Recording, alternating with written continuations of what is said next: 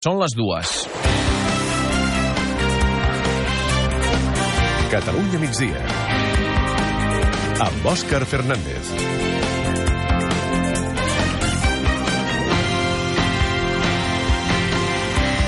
Un any més, l'endemà de la Diada, la lectura és radicalment diferent segons d'on vingui. A Madrid asseguren que l'independentisme es desinfla i ha aparegut una guerra de xifres entre els organitzadors, les diferents guàrdies urbanes implicades en les manifestacions d'ahir i els contraris a la independència. No entrarem en aquesta guerra. No sé si ahir als carrers de Catalunya hi havia 1.800.000 o 300.000 persones. Tant és.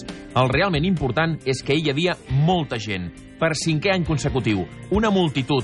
Una multitud que reclama una solució que tot el que es pugui fer des de l'unionisme sigui discutir si hi havia més o menys gent o comparar la xifra amb la de l'any passat, que per cert tampoc no van acceptar, demostra una falta d'arguments flagrant.